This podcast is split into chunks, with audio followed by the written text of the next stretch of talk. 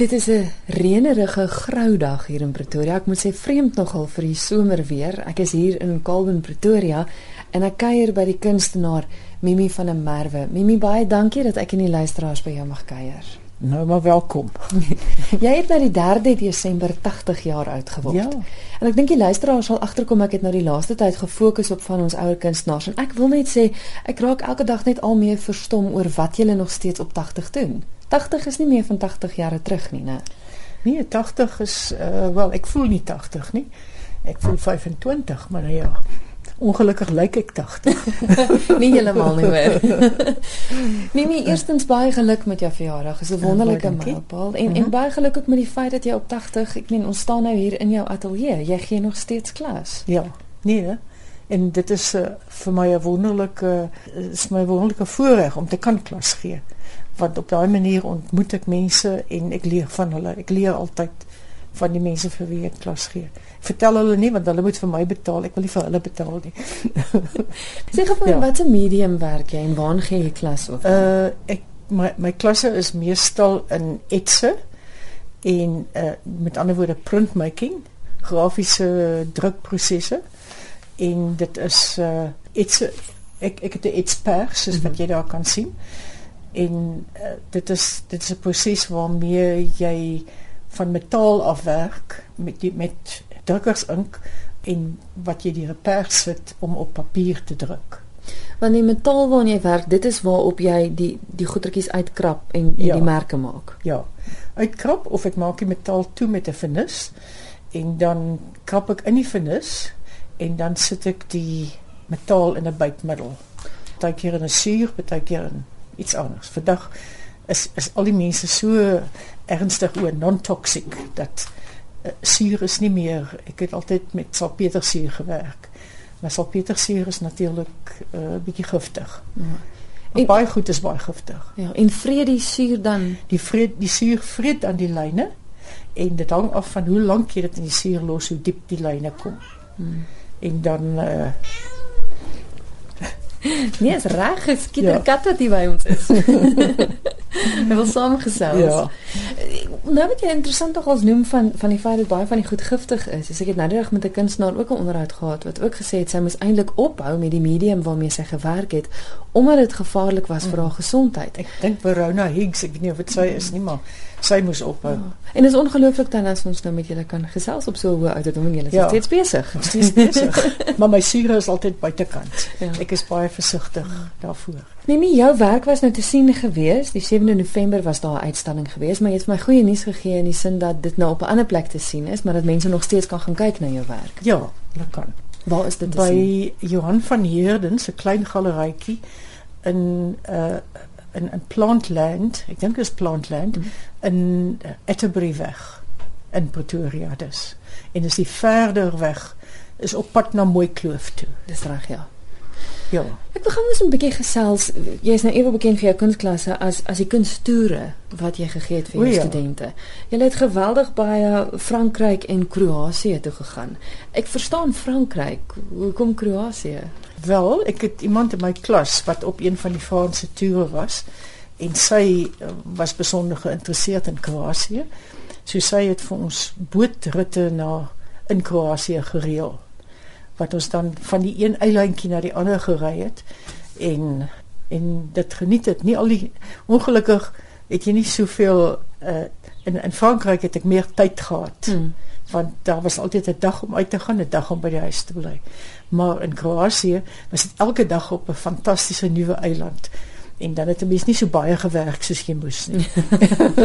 Maar het julle gegaan om na kuns te gaan kyk of om na die plek self te om na kyk? die plek self te kyk. Ja, om te, na kuns te gaan kyk beteken natuurlik die groot stede en so voort en dit moet mense maar self doen. Ek was nie van plan om 'n om 'n groep te neem of dit het net gebeur dat ek veral in Frankryk het ons in die Dordogne in uh in 'n klein dorpie vakansie gehou van tevore Hmm. en toe het ek met die mense daar gepraat en ek het ek het gekry dat hulle kan uh dat dat mense daar kan lusies kry in die dorpie Hmm. En dat die busdiens van die groot dorp naby vir ons kan oral rond in die omgewing in rondvat. Maar dit moet seker oorweldigend wees vir 'n kunstenaar om om so rond te toer en hierdie ongelooflike plekke te sien want jy moet so baie inneem en hoe kry mens dit reg om dit wat jy sien dan te kom te kom uitvoer en uitleef terug ja. by jou terug by jou werksplek. Ja, nee, dit is waar. Dit is hoekom ek sê dat uh Frankryk was uh jy het meer jy het 'n dag gehad om by die huis te wees. Maar aan die ander kant die om om op 'n boot te ry, jy het soos prinses Diana gevoel, jy weet. dit was die die luksheid daarvan was fantasties. So gaan mens dan dadelik en gaan gaan skets jy wat jy die dag gesien het omdat jy te vergeet nie of neem jy 'n foto's en werk daarvan af? Uh wat ons in Frankryk gedoen het is om te gaan sit op 'n plek en daai plek te skets wat die lekkerste is. En dan met water dikwels met waterverf daarop te werk. Meeste mense het met waterverf gewerk. In Kroasie het ons baie keer geskets van plekke af, maar meer kere van fotos af wat ons dan geneem het. Of baie keer as ons vasgemeer was by 'n dorp, dan het ons daar uh, van die boot af gesit en geteken die die dorp geteken. Ja. En ja. min mense doen dit nog steeds daar. Ja. Meeste mense teken van foto's ja. af. So ek sê ek ek dink dit is vir my heeltemal 'n ander ondervinding om van 3D af te teken anderste as as 2D. Wel, dit was nou jou toere gewees, maar jy was vir baie lang ruk ook in Parys gewees. Ek sien jy daar gestudeer ook. Dit was ja. seker weer 'n heel ander ondervinding gewees. Dit was heeltemal 'n ander ondervinding. Wel, uh, uh eerstens wat die eerste keer wat ek in Parys was was in die 60s. Toe was ek in my middel 20s en uh, alleen en uh, ek het Frans op universiteit gehad. So ek het 'n Franse agtergrond gehad. Uh maar dit dit nogtans het dit so 'n paar maande gevat om dit te kan praat. Mm. En dan het ek by die skool vir skone die École des Beaux-Arts, die skool vir skone kunste, het ek iets werk gedoen wat uh heeltemal 'n nuwe uh onderwerp vir my was. Mm. Dan het ek uh daar het ek 2 jaar gebly. Die eerste jaar, die tweede jaar het ek 'n beurs van die Franse regering gehad wat vir my uh die steeds altyd uitruilbeurs gehad. Ek weet nie of dit nog het nie. Allerhande voordele gehad, soos jy. Ja. Hulle het spesiaal van hierdie klein hotelletjies gehad wat spesiaal vir mense van die beurse gewees het en hulle so 'n bietjie bygedra tot die betaling daarvan en hulle het spesiale ekspedisies gehad om die om om interessante dorpe rondom Parys of stede rondom Parys te gaan kyk wat ook baie interessant was. Ek het gelees dat jy 'n baie groot voorliefde het daarvoor om om mense te bestudeer en die emosies hmm. rondom mense. Is dit dan ook wat wat deurlopend in jou werk te sien is en wat wat deurslag ja, vind? Nee, ek dink so, dit is maar uh, dit is maar wat vir my die interessantste is. Hmm. En as ek wat ek wat ek dikwels doen is ek sit net uh kleur kleur oppervlaktes neer en dan kyk ek wat kom daar uit en daar kom gewoonlik mense uit. Uh ek doen ook landskappe, maar ek hou ek het tamelik van my van my buurt gedoen, van die strate in Kolben en wat uh, vir my ook lekker is en dit en so nou en dan doen ek dit van 'n foto af. Maar ek verkies om dit van die om te gaan sit en te teken en van werklikheid af te te doen dit. En die mense, is dit mense wat jy ken of mense wat jy dop hou? dit hang af. Uh baie keer is dit ek ek ek dra my sketsboek met my saam meestal. Hmm. So dis dan meestal het ek sketse van mense wat rondom my is.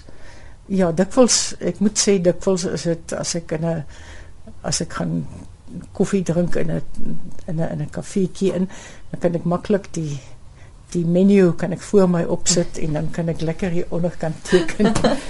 en dan is dit die ander mense ja. ja. So nou en dan ek het uh ek bedoel portrette het ek baie van gedoen van veral van kinders.